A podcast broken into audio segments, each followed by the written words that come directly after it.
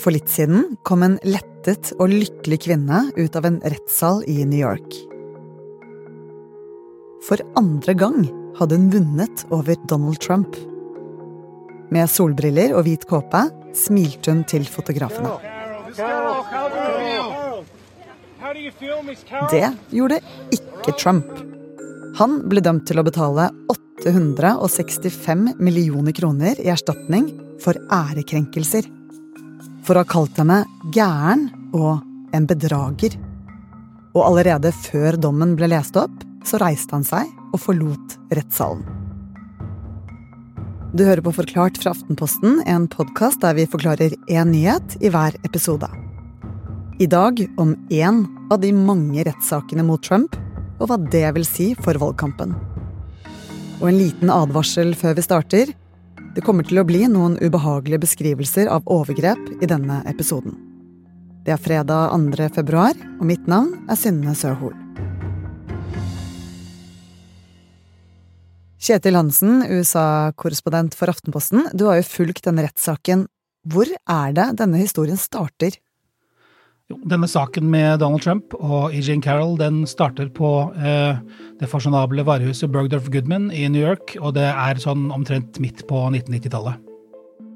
Ved inngangen til dette eksklusive kjøpesenteret så møtes en mye yngre Donald Trump, han er rundt 50 år på dette tidspunktet, og den litt eldre kjente skribenten E. Jean Carroll. Begge legger merke til hverandre og kjenner hverandre igjen. Jo, dette var altså i eh, en svingdør på siden av, eh, av kjøpesenteret Bergdorf Goodman. Eh, og hun, Jane Carroll hadde vært der og handlet. Det vil si hun pleide å gå der og handle, men hadde ikke funnet noe det hun skulle ha den dagen. Eh, og når hun går ut svingdøren, så treffer hun på Donald Trump, eh, som hun kjenner igjen. Og han eh, kjenner henne igjen. Hun er da rådgiver, gir råd til folk som stiller spørsmål i bladet L og på TV. Og han sier 'Hei, er ikke du hun rådgiverdama?' Jo, sier hun. Er ikke du han eiendomsmagnaten? Og de her ferdes litt i samme sirkler og sånn, så de begynner å snakke litt. Og Trump han spør henne du, jeg skal kjøpe en, en gave til en jente, kan du hjelpe meg med det? Hun blir Eh, litt forbauset og, og, og blir litt glad for at han ber henne om råd, og hun syns han er litt kjekk. Eh, så hun blir med ham inn eh, for å hjelpe ham å finne en gave. Først så peker hun på noen håndvesker. Nei, det, det syns ikke han noe om. Og da er det at Trump finner på at undertøy kanskje er tingen. Skribenten Carol og Trump tar rulletrappen opp til undertøysavdelingen. Der er det få folk, og Trump foreslår at hun skal prøve en bodysuit. Hun mener at Trump kler den mye bedre, og så tar han henne med inn i prøverommet. Der eh, sier hun at, eh, at han dyttet henne i veggen sånn at hun slo hodet sitt. Dette gjorde han to ganger. Og deretter så eh, stakk han hendene sine inn under kjolen hennes. Han eh, trakk strømpebuksen hennes ned, og han eh, eh, kom da inn i henne, altså penetrerte henne. Det som er definisjonen på en voldtekt. Så hun mener at han voldtok henne? Hun mener det. Eh, men juryen eh, gikk da ikke så langt, og, og, eh, mente da at han skulle betale en erstatning for et seksuelt overgrep. Da metoo kom, bestemte hun seg for å fortelle om overgrepet og saksøke Trump. Rettssaken førte til at Trump ble dømt for seksuelt overgrep og ærekrenkelser av skribenten. Dette skjedde i mai i fjor. Og da måtte Trump betale henne 50 millioner kroner i erstatning. Men han har kommet med krenkende uttalelser mot Carol. Han har kalt henne en svindler og sagt at hun er helt sprø. Og det er dette den nye rettssaken handler om. Trump har eh, ved et par anledninger mens han var president, og flere ganger siden, eh, sagt at hun løy om dette overgrepet. Hun mener da at dette ødelegger hennes rykte, at hun blir ærekrenket, så derfor gikk hun til sak mot ham. Og hvordan har dette påvirket Carol, ifølge henne? Nei, hun forteller jo at dette er jo en av USAs mektigste menn som sier at hun er sprø og en løgner, så hans tilhengere, eh, sier hun, har da eh, gått løs på henne på, i sosiale medier og, og kommet med trusler, og hun har eh, måttet kjøpe seg våpen til å ha hjemme og eh, iverksatt sikkerhetstiltak på, der hun bor. Eh, så eh, derfor gikk hun også til sak.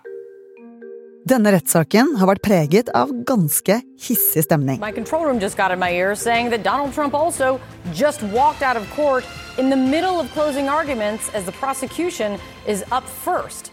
He's a nasty judge. He's a Trump hating guy.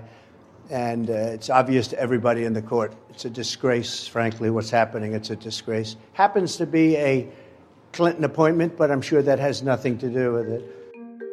På et tidspunkt truet dommeren Trumps advokat med fengsel da hun fortsatte å snakke etter at dommeren hadde bedt henne stoppe. Da Carols advokat begynte på sitt sluttinnlegg, så reiste Trump seg brått opp og forlot rettssalen. Identiteten til juryen har vært holdt hemmelig, og dommeren anbefaler dem å holde identiteten sin hemmelig, også etter dommen. Advokatene til E.J. Carroll eh, har senere fortalt at, at eh, i rettssaken så drev han med såkalt antics, altså eh, han drev og, og gjorde litt sprell og sånn. Han ristet på hodet når folk snakket. Han drev og snakket, eller hvisket så høyt at juryen kunne høre hva han sa. Eh, når han sa at hun, dette var løgn, og hun, hun eh, Han klarte ikke å følge reglene, rett og slett, fra dommeren. Og nå skal han betale Carol disse pengene? Ja, han eh, ble jo dømt til å betale 83 millioner eh, dollar. Altså 860 millioner kroner omtrent.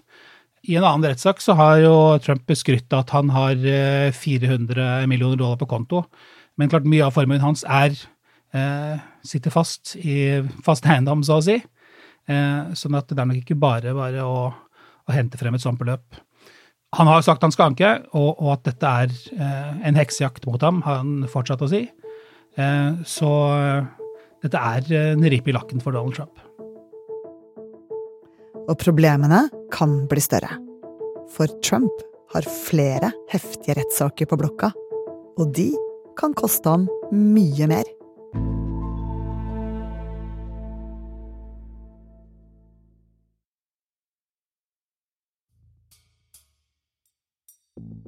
Kjetil, kan denne rettssaken skade presidentkampanjen til Donald Trump? Akkurat nå så deltar jo han i et primærvalg i det republikanske partiet for å bli partiets presidentkandidat. Og hittil så har det sett ut som at det er ikke noe som biter eh, på ham i denne kampen. Hans eh, kjernevelgere de eh, er enige med ham, og de støtter ham uansett. Men på sikt så kan dette slå negativt ut for ham. Det at det stadig vekk er drama og kaos rundt ham. Drama kunne vært fornavnet til ekspresidenten. Donald Trump's legal troubles are mounting. Uh, Laura, this, of course, is just one of many, many legal fronts facing the former president. Same judge, same judge. He's a radical Trump hater. And uh, I said I tillegg til ærekrenkelsesaken så har Trump fire rettssaker som henger over ham. To av de handler om hans forsøk på å ødelegge for Joe Bidens valgseier, en tredje handler om de hemmelige dokumentene som plutselig dukket opp på badet hans hjemme i Mar-a-Lago i Florida. Og den fjerde handler om fusk i regnskapsføringen etter hysjpenger til en pornostjerne. Og dette er bare straffesakene. I tillegg er det de sivile sakene, som denne med ærekrenkelser mot Carol. Og så er det en annen sak der dommen snart er klar. Bedragerisaken for New York, eh, det er en sånn eh, finansiell erklæring eller slags takster, hvor han da skal ha løyet og overdrevet om hva verdien av eiendommene hans er. Eh, fordelen for ham ved å gjøre det, er at du da får bedre betingelser hos eh, långivere og får en bedre kredittvurdering. Det er jo litt vanskelig å si med alle rettssakene mot Trump, for tidligere har vi sett at kaos kan hjelpe å styrke posisjonen hans. Men hvordan vil denne rettssaken påvirke Trump og valget? Ja, For det første så er denne saken potensielt veldig stor. Fordi eh, det kravet som eh, delstatsadvokaten i New York har kommet med, er på 370 millioner dollar i erstatning. Det er eh, nesten opp mot 4 milliarder norske kroner. Og I tillegg så kan han bli dømt til da ikke å drive forretning i, i New York. Eh, dommeren har sagt at han vil eh, Han tenker på at kanskje han vil kreve dissolution, altså oppløsning. Og det er litt uklart hva det er, om selskapet til Trump må oppløses, om han må selge alle eiendommene sine, Trump Tower og alt dette her i, på Manhattan. Så dette er svært ugunstig for ham og, og skaper litt usikre tider for ham. Og så, om det i seg selv Eh, vil føre til noen politiske følger av ham, er jo kanskje litt mer usikkert eh, å si. Men, men han mister jo litt denne, sitt eh, image som den ekstremt vellykkede forretningsmannen. Men er dette penger som han ellers kunne brukt i valgkampen? I prinsippet så kunne han jo for så vidt det. Og da Donald Trump ble kandidat for første gang i 2015, så sa han jo at det var fint at han var kandidat og var så rik, for da kunne han bruke sine egne penger på valgkamp. Eh, og ikke drive oss og samle inn vanlige folks penger. Men siden så har han knapt nok brukt eh, egne penger på, på valgkamp. Eh, han har samlet inn. Men de fire straffesakene og de sivile sakene er ikke alt. For statene Colorado og Maine har bestemt at Trump ikke får lov til å stå på stemmeseddelen. Nei, Dette er jo ekstremt interessant og, og svært prinsipielle saker. Og nå er det altså saken gått eh, i hurtigtogsfart til Høyesterett, som da eh, skal bestemme om en eh, delstat har lov til å nekte en kandidat til å stille opp i valget fordi han deltok i oppvigleri mot USAs stat, men altså ikke er dømt i noen domstol for det fra før. Altså, hvor stor konsekvens vil det få da, hvis det er liksom bare Colorado og Maine som nekter ham å stille til valg? De to statene i seg selv er ikke så farlige for Donald Trump, fordi Joe Biden ville vunnet dem uansett. Men det er vanskelig å se for seg at eh, noen stater sier at en kandidat deltok i opprør mot USA og ikke får stille opp, og andre stater ikke gjør det. Eh, så hvis nå Høyesterett, og det er langt fra sikkert, men hvis de sier at eh, Colorado kan stenge ut eh, Donald Trump fra stemmesedlene, så kan dette fort få konsekvenser i flere stater, og stater som er viktige for å vinne valget. Kan alt dette bråket styrke sjansene til motstanderne hans? Hvis vi da snakker om motstanderne i partiet hans, så er sannsynligvis svaret nei. Akkurat nå er det jo Nikki Haley, eh, som eh, senere i februar skal stille opp mot ham i South Carolina for å forsøke å vinne nominasjonsvalget der. Og hennes hovedargument er at det er eh, kaos, spetakkel, rabalder og drama rundt Donald Trump uansett hvor han dukker opp.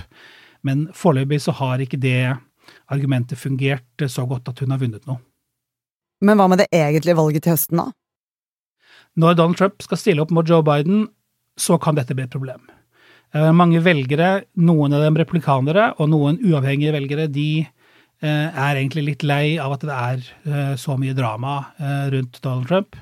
Og alle disse rettssakene de bidrar til at de nok enten blir sittende på gjerdet eller stemmer på Joe Biden. Det er i hvert fall det som fremgår av meningsmålinger. Likevel så skal man ikke se bort fra at Donald Trump kan vinne valget til høsten. Og Der får vi se hva som skjer. Vi får fasiten den 5. november.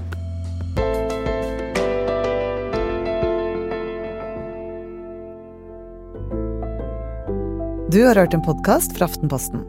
Det var USA-korrespondent Kjetil Hansen som forklarte deg Trumps siste rettssaker. Denne episoden er laget av produsent Philip A. Johannesborg og meg, Synne Søhol. Og resten av Forklart er David Vekoni, Heidi Akselsen, Fride Nesten Nonstad, Olav Eggesvik og Anders Weberg. Du har hørt lyd fra nyhetsbyrået AP, CBS, MSNBC og CNN. I Poprådet denne uka har vi hatt besøk av sjefsredaktør og Aftenpodden-kjendis Trine Eilertsen. De ler og ler og ler, for de syns jeg er så drøy. Vi har snakka om hva vi kan lære av Isabel Rad. Det er tall vi kan drømme om. Og... Ditt hjerte sukker. Jeg sukker ikke. Kunstige nakenbilder. Klart at Hvis vi skal enige om at sånn kan vi ikke ha det, så må Elon Musk bli satt på en stol, bli bundet fast i en vegg og ikke holde på. Kyr som skaper problemer for Melodi Grand Prix. det er jo ingen som skjønner hva de sier uansett. Og rynkete tiåringer. At åtteåringer er på TikTok, det er et barneoppdragelsesspørsmål. God natt, sier jeg. Hør Poprådet i Aftenposten-appen eller hos Podme.